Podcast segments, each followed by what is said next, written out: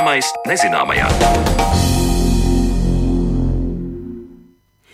Esiet sveicināti! Skanēt sāk raidījums Zināmais nezināmajā. Jūs sveic tā producente Paula Gulbīnska un pie mikrofona Mariona Baltkalne. Šodien atklāsim zināmo par šķiet līdz galam neizzināmo kosmosu, kas visu laiku mūs pārsteidz ar kaut ko neparastu. Varbūt tieši tāpēc cilvēki ne tikai turpina uzdot jautājumus par kosmosu, bet arī dodas turp un iekaro jaunas virsotnes. Saules sistēmas lielākā planēta Jupiters būs mūsu uzmanības centrā raidījuma otrajā daļā. Jupiters, šis fascinējošais milzis ar 80 pavadoņiem un tikai 10 stundas garo diennakti, bija labi zināms jau antīkajā pasaulē. Šai planētai veltīta unikāla misija, un turpmāko gadu laikā Eiropas kosmosa aģentūras zonde JUICE ceļos līdz Jupiteram, lai uzzinātu, kas notiek uz šī gāzu milža un tā pavadoņiem. Bet pirms plašāk atklājam Jupiteru un jauno misiju, paceļosim pa starpzvaigžņu telpu un iepazīsim vakumu. Bez gaisa, bez skaņas, bez atmosfēras. Tāda ir telpa vakumā. Ja cilvēks kosmosā nonāktu bez aizsargtērpa, tad ātri vien piepūstos kā balons, un viņa ķermeņa šķidrumi uzvārītos. Ne par šādiem šausmu filmu cienīgiem sižetiem būs nākamais stāsts, bet uzzināsim, kas notiek ar fizikāliem lielumiem starp zvaigžņu telpā, vai vakums visā kosmosā ir vienāds, kā vakumā izpaužas gaisma, temperatūra, inerce. Par to Zane Lāca Baltāksne izvaicāja Ventspils starptautiskā radioastronomijas centra pētnieku Arti Aberfeldu. Tur, kur nekā nav, būtu pats vienkāršākais, bet ne īsti precīzais skaidrojums vakumam. Ir objekti, notiek to kustība, taču nav skaņas, jo bezgaisa telpā skaņai nav kur izplatīties. Telpa bez jebkādas vielas - tāds ir ideāls vakums, taču kosmosā, kur pastāv šāda vide, arī tur vakums nav pilnīgs, jo saskaņā ar kvantu teoriju enerģijas svārstības, kas ir pazīstamas kā virtuālās daļiņas, pastāvīgi parādās un izzūd pat tukšā telpā. Kāda ir šī kosmosa vide, to attālināti ierakstītā intervijā skaidro Vēncpils augstskolas inženierzinātņu institūta Vēncpils startautiskā radioastronomijas centra pētnieks Artis Aberfelds. Ja vakumas mērītu ar daļiņu skaita tilpumu vienībā, tad atšķirības varētu būt vairākas miljonus reižu. Ja, teiksim, augstumā kādā riņķo zemē zemes satelīti, ir uh, daudz vairāk daļu nekā tas ir, piemēram, geostacionāriem satelītiem. Tāpēc tie, piemēram, uz Zemes nenokritīs nekad, bet Zemes tuvajā pavadoņi to izdara. Bet uh, vēl daudz retinātāk, protams, ir starpzvaigžņu telpa un starpgalaktika telpa, kur, teiksim, atrast kā daļiņa ir nu, vispār liels retums salīdzinājumā ar, teiksim, tā, to jau visumu, kur vēl ir samērā daudz daļiņas. Runa par vairākiem miljonu reižu liela atšķirība. Ja runa ir par vakumu, vidi, kur nav skaņas, bet zināms, ka zvaigznes mēdz eksplodēt, tad kā tas reāli kosmosā notiek? Mēs tā kā skatītos mēmo filmu, ir milzīgs sprādziens, bet tas notiek klusumā. Jā, salīdzinājums diezgan pareizs. Sāksim ar to, kas ir skaņa. Skaņa ir blīvuma viļņu izplatīšanās vidē. Šajā gadījumā mums izplatītākais ir, mēs tā domājam, gaisā, bet nu, skaņa arī pārvietojas uh, ūdenī, citos šķidrumos un cietās vielās. Bet uh, vākums ir tik retināta viela, kad uh, skaņas viļņi efektīvi nevar izplatīties. Līdz ar to nav arī īsti iespēja uztvert skaņu kā tādu vakumā. Ja notiek sprādziens, tad nu, daļiņas var brīvi vidē izplatīties ar ļoti retām sadursmēm ar citām daļiņām. Rezultātā jā, sprādziens vai eksplozija notiek, bet tā arī ļoti ātri teiksim, tā, izklīst. Tas nozīmē, to, ka gāzes, kā pēc likuma, grib aizņemt visu pieejamo telpu, un, un visums ir ļoti liels, un rezultātā arī maz mēroga eksplozijas ļoti ātri izklies. Nu, zvaigznes ir, protams, milzīgas, un līdz ar to tās aiz sev kādu laiku atstāja miglāji, bet nu, arī tie pēc astronomiskiem laika standartiem ir samērā īsi laika nu, dzīvojoši. Nu, cilvēku mūžā tas, protams, liekas ļoti ilglaicīgi, bet nu, te ir runa par desmitiem tūkstošiem gadu, bet, nu, salīdzinot ar tipisku zvaigznes dzīvi, tas ir acs mirklis cilvēku mūžā. Jo es saprotu, ka zvaigznes mūžs ir mērāms miljonos un miljardos gadu. Jā, jā bet zvaigzne, kad viņa eksplodē, tas miglais, ko zvaigzne sevi atstāja, pastāv tikai daži desmit tūkstoši gadus. Skatot tālāk, kā izpaužas apkārtējās uh, vidas temperatūra vakumā? Temperatūra pēc būtības ir mēra vielas daļiņa, var teikt, kustības ātrumu. Tā kā viela ir ļoti retināta, tad patiesībā, ja mēs skatītos šo daļiņu temperatūru, mēs iegūtu ļoti augstas temperatūras. Līdz ar to mēs varētu uh, pat uh, sagaidīt mērījumus vairākos miljonos uh, grādu. Bet atšķirībā no mums pierastās atmosfēras vai, teiksim, apkārtējās vidas, tie miljonus grādu nav nekas briesmīgs, jo to daļiņu skaits ir tik niecīgs, ka mēs to temperatūras efektu pat neizjūtīsim. Mēs varam paskatīties uz vākumu no vēl viena aspekta, no temperatūras viedokļa. Pēc termodinamikas likumiem, jebkurš silts ķermenis staro siltuma starojumu. Un tā kā nav citu veidu, kā apmainīties ar siltumu vakumā, tad faktiski viss silts ķermenis staro. Un šādā veidā arī staroja visums savās dzīves sākumos, jeb kosmiskajā, nu, var teikt, kosmiskā fona, mikroņu fona starojums, kur temperatūra ir attiecīgi jau zināmie 2,7 Kelvin grādi.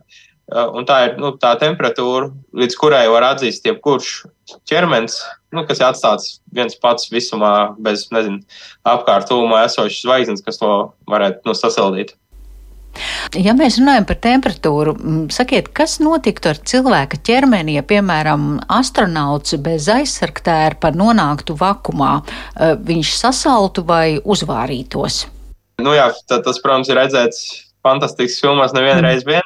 Un, Jā. nu, protams, tur redzētais nedaudz gan sakrīt, gan atšķiras no realitātes, bet nu, atbildi ir diezgan ātra un varbūt arī pat sāpīga aiziešana bojā. Jo, teiksim, mēs zinām, ka ūdens pārīšanās temperatūra atkarīga no spiediena. Un, jā, pie mums tipiskiem apstākļiem tas ir 100 Celsija grādi, augsts kalnos tas ir apmēram 70, un vakumā jau ķermeņa siltums ir pietiekoši, lai ūdens vārītos. Un, uh, rezultātā ir tā, ka zudot apkārtējiem spiedienam, mēs īsti neeksplodējam, bet mēs nu, uzpūstos tā kā balons un uh, mūs ļoti strauji izgarot ūdens. Kas, kas novest pēc drīz vien samaņas zaudēšanas, un arī pēc minūtes vai vairāk arī pie, nu, var teikt, letāla iznākuma, kas noteikti nav tas patīkamākais veids, kā aiziet bojā. Ja reize vakumā nav atmosfēras, tad Kas notiek ar smaržu? Mm, tā taču tur arī neizplatās. Smarža ir tā, mūsu receptoru degunā uztver kaut kādus konkrētus ķīmiskos savienojumus, un tos interpretējam kā nu, kaut kādu veidu smaržu.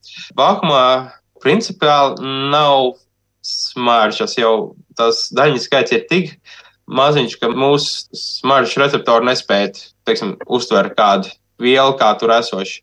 Bet, eh, ja mēs runājam par turpinot iepriekšējo tēmu, ja mēs eh, eh, kaut kādu iemeslu dēļ nokļūt vakumā, tad mēs uz brīdi varētu savost, nosacīt sevi, jo tas pats iztvaikojušies ūdens un viss pārējais no mums kādu brīdi mums radīt smaržas sajūtu.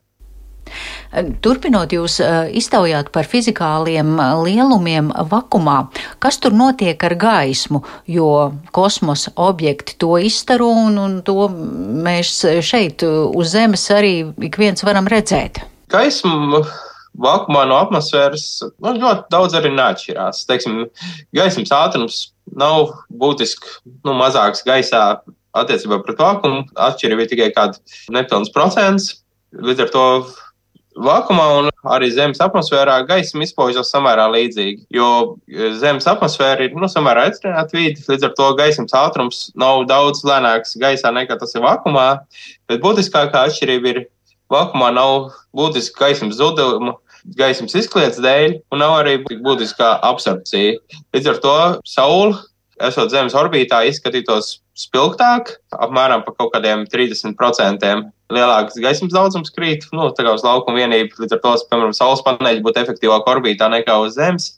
Arī naktsnīgās debesis kosmosā izskatītos eh, ievērojamākas, jo mēs redzētu vairāk zvaigznes, zvaigznes nemirgotu. Nu, citiem vārdiem sakot, mums būtu skaistākas naktsnīgās debesis, nebūtu šis mirgošanās efekts, un tāpēc arī, piemēram, kosmosā labprāt veido jauns kosmiskos teleskops jau var izbēgt no šiem novērojumiem nelabvēlīgajiem atmosfēras efektiem. Zinot, ka kosmoss, pateicoties eh, cilvēka veiktajām izpētēm, ir eh, tapis par tādu par lielu atkritumu laukumu, un šajā starpzvaigžņu telpā riņķo neskaitāmas kosmisko aparātu atlūzas. Kas notiek ar tām, ka tās tur eh, brīvi peld tajā vakumā un, un kādā brīdī tās tuvojas Zemes atmosfēras slānim? Ir ļoti daudz nolietojušos satelītu, kas joprojām riņķo ap Zemi tad, eh, ja šī orbītas augstums nav gan augsts, runa ir apmēram līdz 1000 km, tad laika gaitā Zemes atmosfēras pašiem ārējiem slāņiem eh, šis orbīts degradē, jeb eh, orbītas augstums kļūst arvien zemāks. Līdz uh, objekts nonāk apmēram 100 līdz 80 km augstumā, tad šis process kļūst eksponenciāli strauji. Ja citiem varam sakot, kur katra orbīta var būt pēdējā, kad šis objekts tiek savā veidā ierauts Zemes atmosfērā. Un uh, bremzēšanās notiek ļoti strauji, un, teiksim, nolaišanās uz planēti, ja tas ir gan liels, ir neizbēgami, vai arī objekts augstās bērns dēļ sadeg, un no viņa paliek pār tikai putekļi. Ja Zemē nebūtu atmosfēras, tad šie satelīti mūsu laika uh, mērogos riņķot uh, mūžīgi, bet Zemes atmosfēra ir tas bremzējošās efekts, kas ļauj šiem objektiem nokrist apakaļ uz Zemes, teiksim, tā, e, gada desmitu laikā. Protams, jo augstāk orbīta, jo šis laiks kļūst ievērojami lielāks. Par starpzvaigžņu telpu, kur nav atmosfēras, nav gaisa un nav skaņas, stāstīja Vēncpils augstskolas inženierzinātņu institūta Vēncpils starptautiskā radioastronomijas centra pētnieks Artis Aberfelds.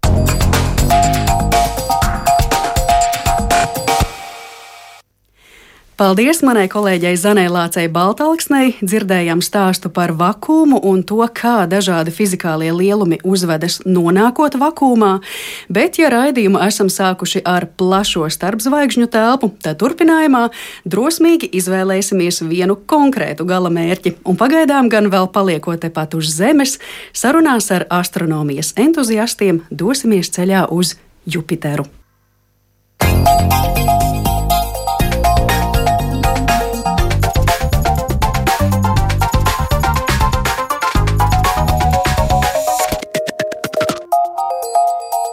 Zināmais nezināmajā.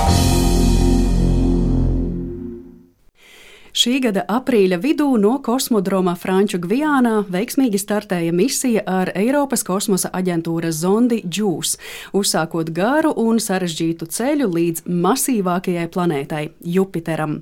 Zondes ceļš līdz gāzu milzim ilgs astoņus gadus, bet rezultātā ir cerība uzzināt jaunu informāciju par dzīvības pazīmēm Jupitera sistēmā un ne to vien.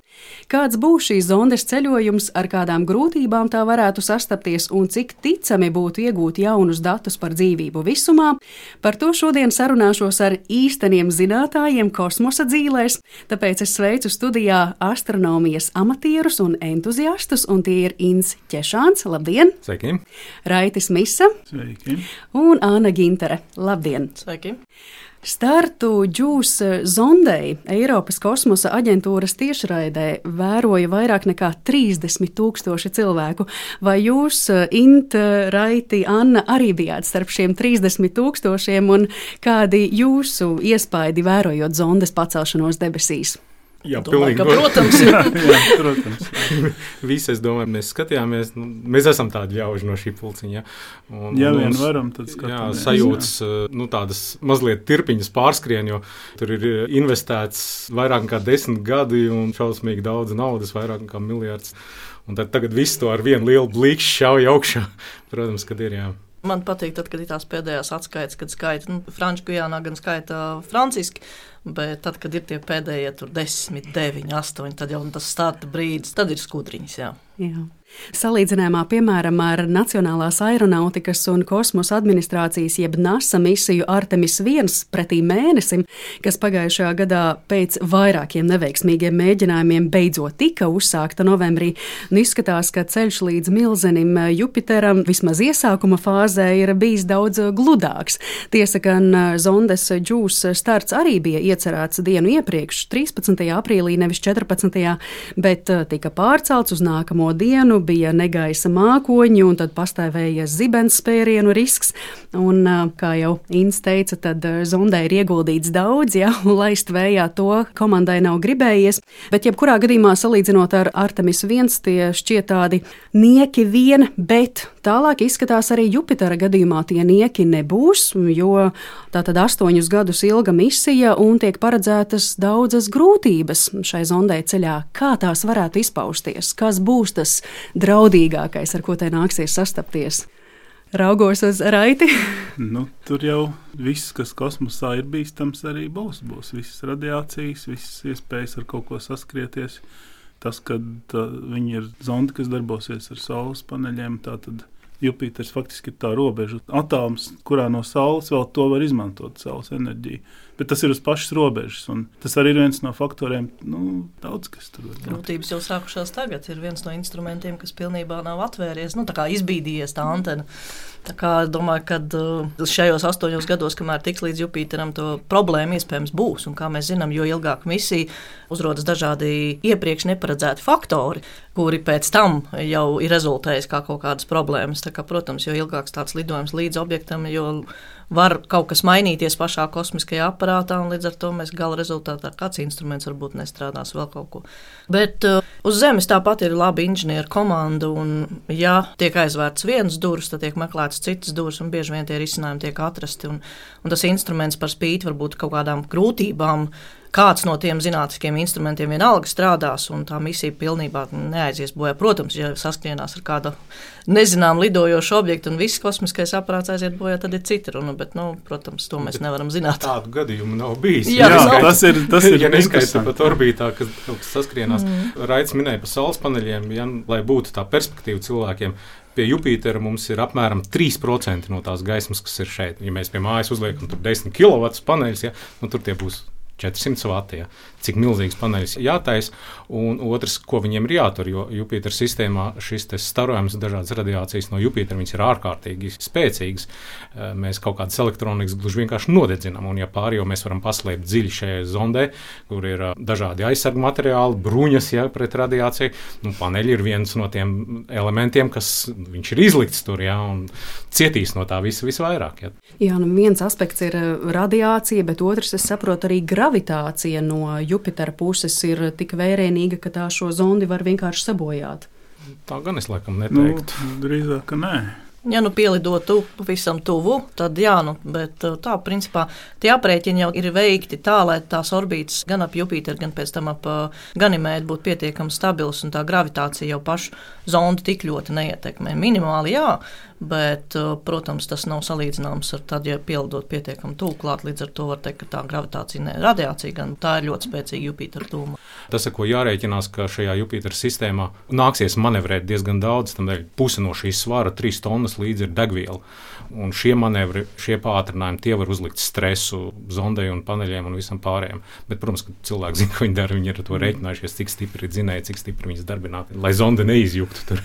Tieši ar to arī šī zonda būs šot īpaša šie gravitācijas manevri, par ko minējāt. Tā būs gan aparāta pātrināšana, palēlināšana, arī virziena maiņa. Tam, protams, ir gatavojušies, bet vai tādas nemitīgas zondas izmaiņas nevar arī to ceļā kaut kā bojāt? Galu galā tā dodas tādā pirmajā lielajā ceļojumā. Tā nav pirmā zonda, kas veic neskaitāmas gravitācijas manevrus. Un tas ir diezgan tipiski gan lidojot saules virzienā, gan pretējā virzienā, ka ir šie manevri tiek veikti, lai tiešām varētu gan veiksmīgāk mainīt trajektoriju, gan samazināt ātrumu, palielināt ātrumu. Tā kā par to nav jāuztraucās. Kas ir forši šai zondē? Šis būs pirmais gadījums, kad zonde sākotnēji riņķos ap Jupiteru, tātad planētu, pēc tam savu ceļojumu beigās, misijas beigās veiks manevrus un pāries orbītā ap Ganimēdu. Līdz tam brīdim būs vairāk pārlidojumu garām Ganimēdam, un tad jau ies orbītā ap Ganimēdu. Tas būs pirmais tāds nu, unikālais gadījums līdz šim, kad zonda no planētas pāriet uz pavadoņu orbītu. Tas būs interesanti, bet par gravitācijas manevriem nevajag uztraukties. Tas ir normāls fizikas process, kuru mēs izmantojam, lai varētu sākinot gan degvielu, gan arī veiksmīgāk zonu tiešām aizvedīt tur, kur tas nepieciešams. Īstenībā praktiski pilnīgi visi kosmiskie aparāti, kas dodas tālākās misijās, izmanto šos gravitācijas manevrus. Un, kas attiecas uz dziļo kosmosu, Jupiters un tālāk, mums nav nevienas zonas, kas nebūtu izmantojis manevru pie Jupitera. Runājot par džūsu, īstenībā par šiem manevriem eh, jāņem vērā viena cita lieta, ka mums būs manevri pie Jupitera, kur brīžam būs ļoti augsts, tur mīnus 250, ja, un tāpat laikā mums būs manevri pie Venēras, kur ir te jau vai plus tikpat daudz, ja, un šīm zondas sistēmām, taiskaitā šiem paneļiem, nu, viņiem pirmkārt jātur temperatūras starpības, otrkārt jātur saules starojums. Restīvi. Mēs nevaram pie Venēras pagriezt pret saules, tur būs tik daudz enerģijas jau uz tiem milzīgiem paneļiem, ka tur viņš neturēs. Tur mm. Jāsako līdzi, kad un kā viņas pagriezt.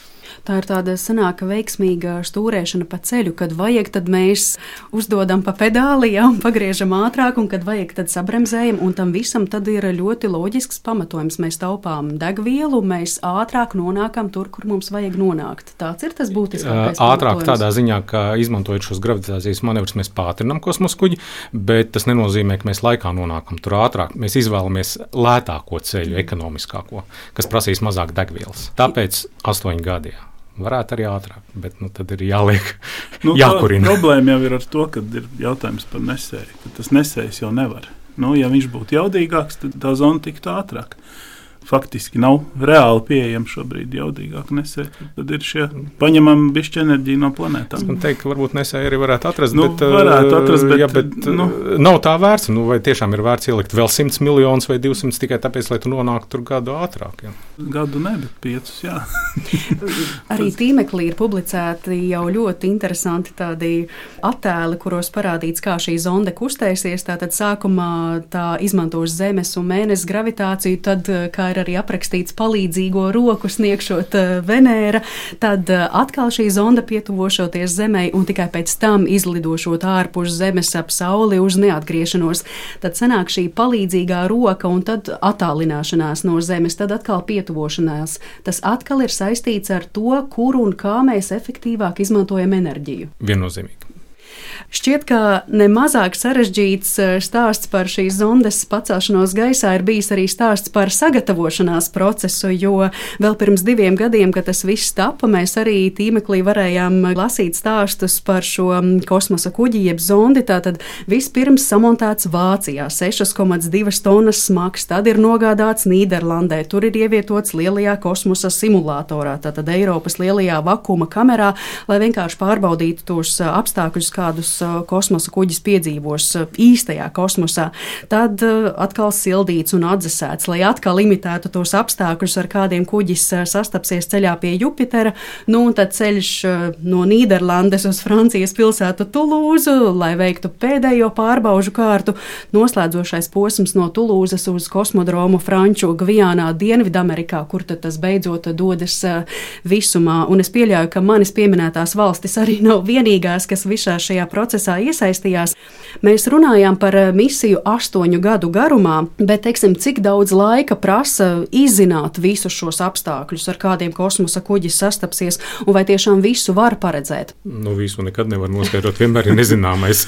bet te labā ziņa ir tāda, ka ir diezgan labs priekšstats par to, kas tad nu, tur pie tā Jupītera notiek, jo ir jau bijušas zondas iepriekš, kuras ir izdzīvojušas, pārdzīvojušas un jau vēl tagad dzīvo. Tādā ziņā tas nav pilnīgi nezināmi ūdeņi. Ir jau zināms arī kaut kādas inženiertehniskas lietas, kas jāņem vērā. Tas noteikti ir ņemts vērā būvēt arī šo, šo zondi. Tātad šie temperatūras apstākļi, Tā iespējamās protams, sadursmes, jā. kas gan nav notikušas līdz šim. Jā. Protams. Bet no tāda tehnoloģisko risinājuma viedokļa ir arī kaut kas jauns šīs misijas gadījumā parādījies, kaut kas nebijis. Kā mēs vispār šo misiju, šo aparātu veidojam? Katra misija, protams, ir pilnīgi unikāla. Katrs aparāts ir uh, pilnīgi unikāli būvēts ar savām prasībām un risinājumiem.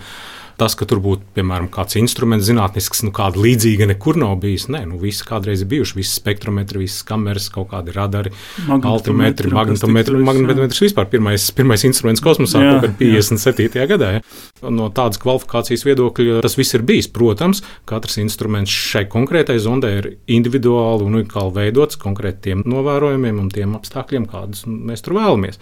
Jā, par pamatu tiek varbūt arī kaut kādi instrumenti, piemēram, no Bepi Colombo vai kādām citām misijām, kas ir bijušas agrāk, bet viņš jau kopš tās misijas būvēšanas laika ir pagājuši entie gadi. Mums ir vairāk zināšanas, mums ir mazliet varbūt citas datortehnoloģijas un tā tālāk. Līdz ar to šie instrumenti jau ir modernāki nekā viņi bija pirms tam. Bet tā ideoloģija, kā jau viņš teica, jā, tas nekas tāds nu, groundbreaking, tur revolūcija kosmosa nozarē, nē, tur nav nekā tāda. Bet tas lielais jauninājums, Anna, tas, ko jūs jau iepriekš minējāt, ir tas, ka Džūs kļūs par pirmo lidaparātu, kas riņķos citas planētas pavadoņa orbītā. Tas līdz šim nav noticis, jo zonde misijas noslēguma fāzē kļūs par Saules sistēmas lielākā pavadoņa, jeb mēneša ganimēda mākslīgo pavadoni. Jā, tas ir viens no tādiem jauninājumiem, varētu teikt. Jā. Es pieļauju, ka mēs varētu tādus faktus eh, pa jebkuru misiju atrast, ar ko šī ir pati pirmā. Jā, un, un arī Džūs pirmkārt viņi fokusēsies tieši uz šiem pavadoņiem. Viņi pētīs arī Jupiteru un Jupiteru sistēmu kopumā, bet fokus ir uz pavadoņiem. Tas ir notiek pirmo reizi. Jā. Eiropas Savienība pirmo reizi šauja savu misiju uz ārējo saules sistēmu. Jā. Līdz šim tas nav bijis tā pirmā reize, kad tas tiek darīts. Jā, jo es. NASA misijas līdz šim. Jā, jā es pirmīt arī pieminēju šo Artemis 1, bet tā bija NASA misija un arī attiecībā uz Jupiteru citas ir bijušas NASA mēģinājumi, vai ne? Bet šis ir eh, Eiropas kosmosa aģentūras veikums nu, teiksim tā, Eiropas Savienība uh, to visu organizē, jo piedalās, baidos nosaukt, ja, bet vismaz 20 lielas organizācijas no 30 nezinu, valstīm. Un, un, un, ieskaitot ieskaitot NASA un Japāņas un citas lielās kosmosa aģentūras. Tur ir piedalījušies ļoti, ļoti daudz, lai kaut ko tādu pacelt. Un tā ir mūsdienu realitāte. Visas lielās misijas ir starptautiskas sadarbības. Bet nu tad pie galvenā atslēgas jautājuma par šīs misijas mērķi. Mēs jau pie vārda pavadoņa pieskārāmies, un savā ziņā arī šis zondes nosaukums mums daudz ko atklāja. Tātad Jupitera ledaino pavadoņu pētnieks, jeb šis saīsinājums no angļu valodas ģūs, tas lielā mērā norāda, ka tiks pētīti pavadoņi. Vai tā ir? raugos uz Annu. Jā, tā ir lielie pavadoņi, kas ir klāti ar ledu un kur mums ir aizdomas, un kur ir apstiprināts aizdomas, kuru ies šo pavadoņu dzīvēs varētu būt šķidrs ūdens, attiecīgi potenciāli dzīvībai labvēlīgi apstākļi. Un tad fokus ir, jā, protams, kā jau Vīns teica, pētīs arī pašu Jupiteru, Jupiteru sistēmu un planētu kā tādu, bet tas uzsvars, lielais uzsvars tiešām ir uz šiem ledainajiem pavadoņiem, kas ir Eiropa, Ganimēts un Kalisto kur mēs potenciāli gribam paskatīties, vai tur kādreiz ir bijusi dzīvība, iespējams, ka tagad ir dzīvība, kādas ir potenciālās iespējas varbūt nākotnē sūtīt kaut kādas virsmas misijas ar mērķi pētīt padziļināti, tā kā šoreiz no attāluma, bet ar domu, ka nākotnē varbūt varēs nolaisties uz šo pavadoņu virsmām. Pavadoņi šķiet eh, neliek mieru pētniekiem jau no 17. gadsimta, ja, kad Galileo Galilejs pirmo reizi ar teleskopu pavērās un šos jūsu pieminētos lielos Jupitera pavadoņus arī ieraudzīja, bet šobrīd mēs runājam par 80 pavadoņiem, taču izrādās, ka visi nemaz nav oficiāli apstiprināti. Vai, piemēram, šāda misija varētu arī palīdzēt precizēt Jupitera pavadoņu skaitu un varbūt pat piešķirt tiem nosaukumus? Nu, nosaukums piešķirs cilvēkiem, bet tas, ka varētu atklāties jauni pavadoņi, jā, katra misija atklāja jaunus pavadoņus. Jāsaka, lieli ir šie četri pavadoņi, kas ir salīdzināmi nu, izmēros ne nu gluži ar Zemi, jā, bet nu, viņi ir nu, ar mēnesi. Ar mēnesi jā. Jā, jā. Pārējie ir salīdzinoši mazi, ir daži tur simtos kilometru, un pārējie ir nu, niecīgi. Tā. Jā, nu, tie neapstiprinātie jau ir tādi nelieli kaut kur tais gradzenos noslēpušies, un nav īsti skaidrs, ir vai nav. Jā, nu. Cik daudz mums vispār ir zināms par šiem četriem lielākajiem, tātad Jo, Eiropā, Ganimēts un kā Kalisto, kas ir jau noskaidrots par tiem līdz šim par iespējamām dzīvības pazīmēm vai kas cits? Dzīvības pazīmes vēl nav, bet no. mēs runājam par vidi, kurā mm. potenciāli varētu eksistēt mums pazīstamās dzīvības formas, ja mēs runājam par mikroorganismiem. Mm. Es necerētu uz Atlantīdu un Atlantīdīšiem, bet uh, jā, tā vide ir tāda, kur potenciāli varētu būt mikroorganismi. Ja mēs runājam vai nu par panspermijas teoriju, vai arī par iespēju to, ka Saules sistēmā vienlaicīgi dzīvība varēja attīstīties uz vairākiem objektiem, tad Jupitera pavadoņa dzīves, kur ir šie okeāni, kur ķīmiskais sastāvs varbūt nedaudz līdzinās mūsu zemes okeāniem, varbūt mēs varam cerēt. Bet, nu, protams, tās ir tikai tādas cerības, un mēs priecāsimies vienkārši, domāju, par rezultātiem, ja mēs vairāk uzzināsim par to, kādi ir šie te, uh, ūdens objekti, cik tie ir dziļi, kāds ir to ķīmiskais sastāvs. Es domāju, ka tas būtu daudz lielāks ieguvums nekā tad, ja mēs tā jau šobrīd runātu par kaut kādām potenciālām dzīvības formām, kuras varbūt patiesībā nav līdzīgi kā Marsa gadījumā. Mēs nemitīgi braucam meklēt marsiešus, bet viņi tur joprojām nav. Tā nav. nav. Es paturpināšu mazliet, ko Anna teica. Šajā sakarā Džūs ir konkrēts instruments, radars, ar kuru ir plānots, ka varēs ielūkoties līdz pat 50 km, varbūt pat vēl mazliet vairāk dzīvēs zem ledus, kur varbūt tur sākās tie šķidrie ūdeņi. Tā izšķirtspēja arī ir gana laba, lai varētu saskatīt nu, vismaz pietiekami liels struktūras, kas tur atrodas. Un Eiropas gadījumā tas ir pirmais piemērs, kur tas okeāns varētu būt apakšā vislielāks. Un, ja mēs Neskatoties to, ka tas debesu ķermenis ir mazāks par Zemi, bet mēs runājam par ūdens masu, kas ir lielāka nekā visos Zemes okeānos kopā. Tas ir ļoti daudz. Un Kalisto un Ganimēta gadījumā nu, tur varbūt mazliet savādāk ir tā, tā virsma ir cietāka, bet mēs arī domājam, ka tie okeāni tur apakšā ir. Mhm. Jā, Eiropā tieši literatūrā daudz parādās kā tas Jupitera pavadonis, kur mēs šo pavadienu dzīvības pazīmēm varētu meklēt, jo tiek arī minēts, ka tās ledus grēdas, kas esot Eiropai un, piemēram, Grenlandē, Islandai. Tās esot veidojušās līdzīgi, un no tā tad varētu izdarīt kaut kādus secinājumus, ka varbūt uz Eiropas varētu pastāvēt dzīvība. Nu, Eiropas virsma ir jauna un pastāvīgi mainīga, kas liek domāt, ka tiešām apakšā ir šķidrs ūdens, kas to ledu nemitīgi kustina un pārvieto. Un, nu, mēs tur varētu domāt par kaut kādām līdzīgām šādām dzīvības kolonijām, kā mums ir okeāna dzīvēs, šie hidrotermālās atveres, kur ir kaut kādi radījumi, kas izmanto šo ģeoķīmisko enerģiju un tādā veidā eksistē. Bet es teiktu, fokusējamies uz to, lai Džuijs tur pirmkārt aizbrauc, jo tas ir astoņas gadus ilgs ceļojums. Un tas uzsvars tomēr ir to, ka mēs gribam noskaidrot, kādi tie pavadoņi ir. Vai Saules sistēmā potenciāli varēja dzīvība attīstīties vairākās vietās, un, un tā dzīvības meklēšana, tie aparāti, kas tur ir, tā gluži nevarēs pateikt, vai tur dzīvība ir. Kas varētu būt lielākais bonus lidojot garām Eiropā, ja patrāpās līdzīgi kā Encelāta gadījumā, kas ir Saturna pavadonis, kad ir kāds šis izvirdums, kurā var ķīmiski sagaršot okeānu, kas tur dzīvēs. Tas būtu liels iegūms, ja trāpītos. Nu, ja izlidot viņam cauri. Jā, tieši tā. Mm. Mm. Mēs jau pieminējām NASU un citas misijas, bet līdz šim kāda ir kopumā bijusi Jupitera izpēte, kādas ir bijušas šīs misijas un ko līdz šim ir izdevies tādu vērtīgu uzzināt?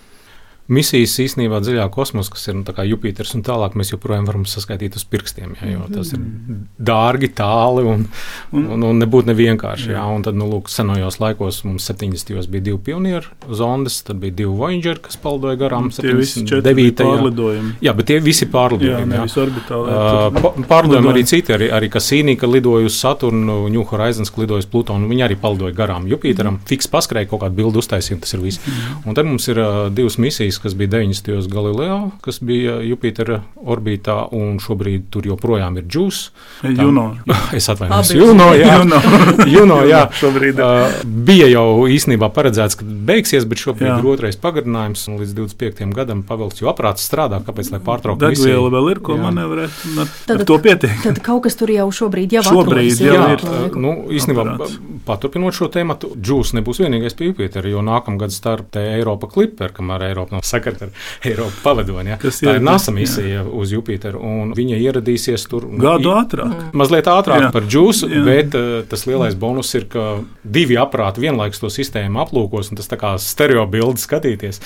Tā kā es domāju, nu, tas 30. gada sākums būs tāds nu, novērojumiem un iespējams arī cerams atklājumiem bagāts. Jā. Es gribēju teikt, ka būs informācija, kurā atkal meklēt un gadu desmitiem veikt jaunas atklājumus. Tā parasti ir.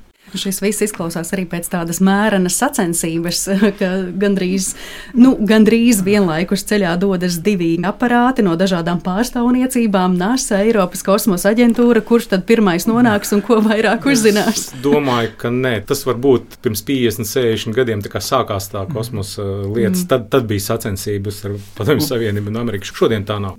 Nu, Eiro... Eiropa ar Ameriku tik ļoti sadarbojas par kaut kādu sacensību. Tur Jā, nu, īsti nav jau tā sacensības vienkārši nav. Nu, Jā. tā varētu teikt. Eiropa Tas ir, ir mazāka budžeta misija, un viņam ir Tāpēc citi viņš ir uzdevumi. jā. ātrāks līdz ar to. Man liekas, jā. ka nav gan.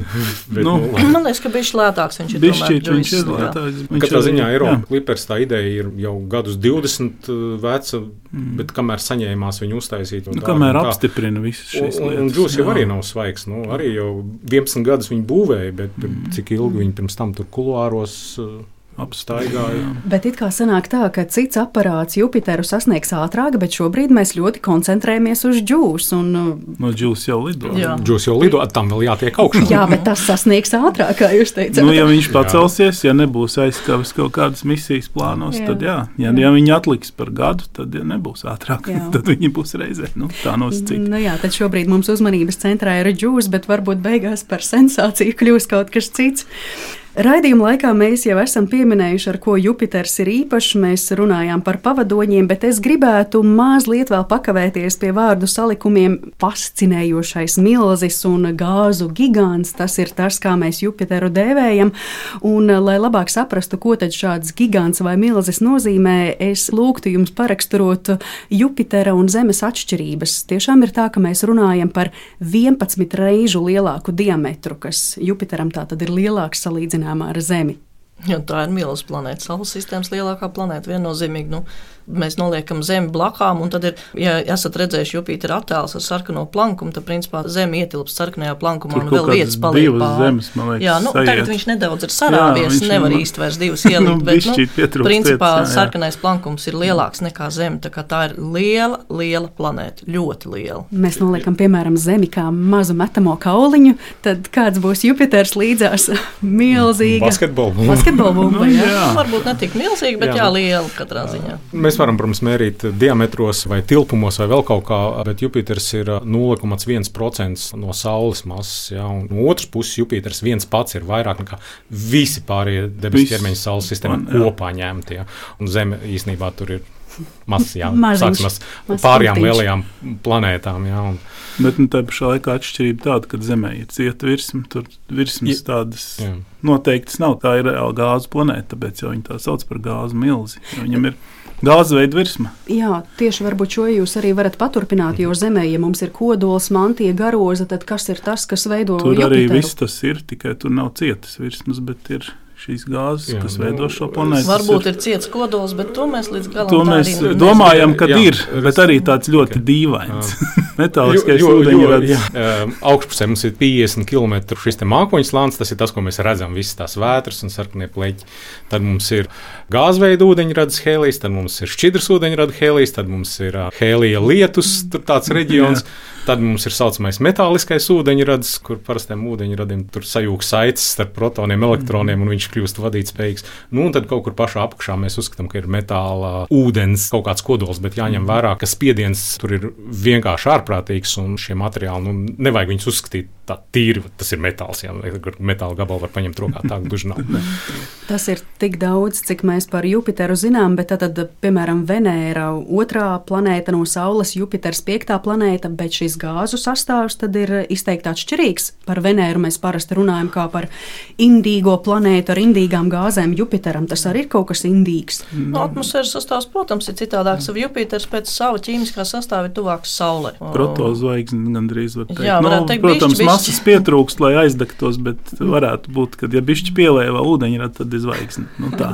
Protams, cilvēks nevar elpot nevienā, ne otrā. Un, ja mēs gribam uh, meklēt kaut kādas sev alternatīvās vietas, kur pastāvēt, tas noteikti nav ne Jupiters, ne Venēra, bet mēs tīri teorētiski varētu domāt par šiem ledus Jupitera pavadoņiem. Ir savi izaicinājumi uz šiem pavadoņiem, bet katrā ziņā, ja nākotnē cilvēks tiešām vēlētos kaut kur izplasties tālāk Saules sistēmā, tad šie ledus pavadoņi ir potenciālā vieta, kur varētu meklēt, celt māju vietu. Nu, ja tiktu galā ar milzīgu radiāciju. Zem ledus. Vien- nu, laikam vienīgais. Jā, ledus salās atgriezties. Ledus jau jā, pasargā no radiācijas. Tā ir labā ziņa. Bet skaidrs, ka Jupiters ir eh, liels un tomēr ļoti, ļoti ātrs. Gan drīz desmit stundas gara diennakts, vai varētu teikt, tikai desmit stundas gara diennakts. Kādus procesus tas ietekmē? Piemēram, vai tur varētu būt ziemeļblāzmas, eh, vētras, kādi citi procesi? Kāds ir Jupitera klimats? Ko mēs par Nu, to ir zinām? tas vi- ir viss minētais tur arī ir. Jā. Pie tam tādos mērogos, kādi mums uz Zemes pat nav iespējami. Vienkārši. nerādās, un, un visas šīs te iepriekšējās misijas, gan kas lidojušas garām, gan kas tur arī atradušās orbītā ap Jupiteru, tas ir bijis viņu mērķis, ja, pētīt šos atmosfēras procesus un kā tas viss notiek. Piemēram, Juno gadījumā, ja nemaldos, tika atklāts šīs te atmosfēras, nu, tādas reaktīvās strūklas, ja, kas tiek prognozētas, kad iet dziļumā līdz pat tūkstošiem kilometru. Tie procesi mūs interesē, lai saprastu, kā tas viss darbojās, kā tas viss radies, kā ir bijusi evolūcija. No iepriekšējām misijām, piemēram, noteikti ūdens daudzumu šajā Jupitera atmosfērā, tas uzreiz mums liek domāt, kā viņš ir veidojies, kā Saules sistēma ir veidojusies. Viss saistīts lietas. Vai es pareizi saprotu, ka tas, kā Jupiters vizuāli izskatās, ka to arī ietekmē šis ķīmiskais sastāvs, piemēram, amoniaka, ūdens mākoņi, šīs strīpas, kas ir Jā, uz virsmas? protams. Jā. Dažādi elementi. Un kas ir tas ā, lielais sarkanais plankums, ar ko parasti saista Jupiteru? Ir Milzīgi vētra, kas pastāv jau vairāk kā simts gadus. Jā. Pēdējā laikā viņai tendence ir nedaudz sarauties, bet nu, tas nedaudz ir tiešām ļoti mazs. Ja cilvēkam ir teleskops, tad šī gada nogalē, nu, teiksim, vasaras otrajā pusē var jau sākt skatīties un mēģināt ieraudzīt. Bet nu, tad tur vajadzētu, lai sarkano plankumu ieraudzītu, vajag tādu solidāku teleskopu. Tur ar mājas binokli nepietiks.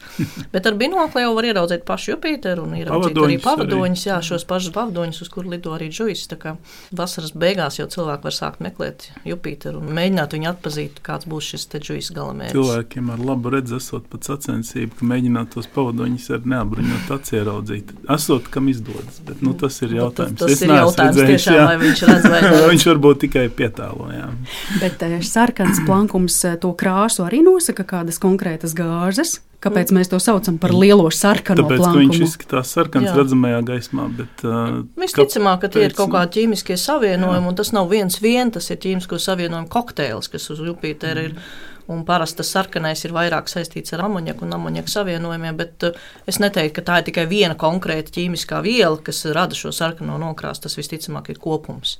Dažādi sēru savienojumi pārsvarā, kas nāk no jo pavadoņa, tā skaitā. Un ziemeļblāzmas arī varētu būt iespējams. Viņas Ir, ir, ir, ir, ir, pat bildes. Pat ja uz ganimēta tiek jā. uzskatīts, ka varētu būt Jā. ziemeļblāzmas, jo ganimēts ir viens no unikāliem pavadoņiem Saules sistēmā, kuram pašam ir savs elektromagnētiskais lauks. Un tas ir viens arī no tiem mērķiem, ko pētīs Džujas misija, tieši ganimēts un viņš šis te lauks apkārt. Nu, Un arī tiek lēsts, ka uz ganimēta varētu būt ziemeļblāzmas. Viņas nebūs tik spēcīgas kā uz Jupitera, protams, bet noteikti. Nu, Džils tur orbītā būs 9 mēneši ap Ganimēdu, tā kā kaut ko jau atklās. Noteikti. Tad sanāk, ka mēs gaidām to brīdi, kad Džūs sasniegs Jupiteru 2031. Jā. gads. Laikam. Bet pat pirms tam vēl ir plānots uh, asteroīdu pārlidojums, kas arī būs interesants notikums.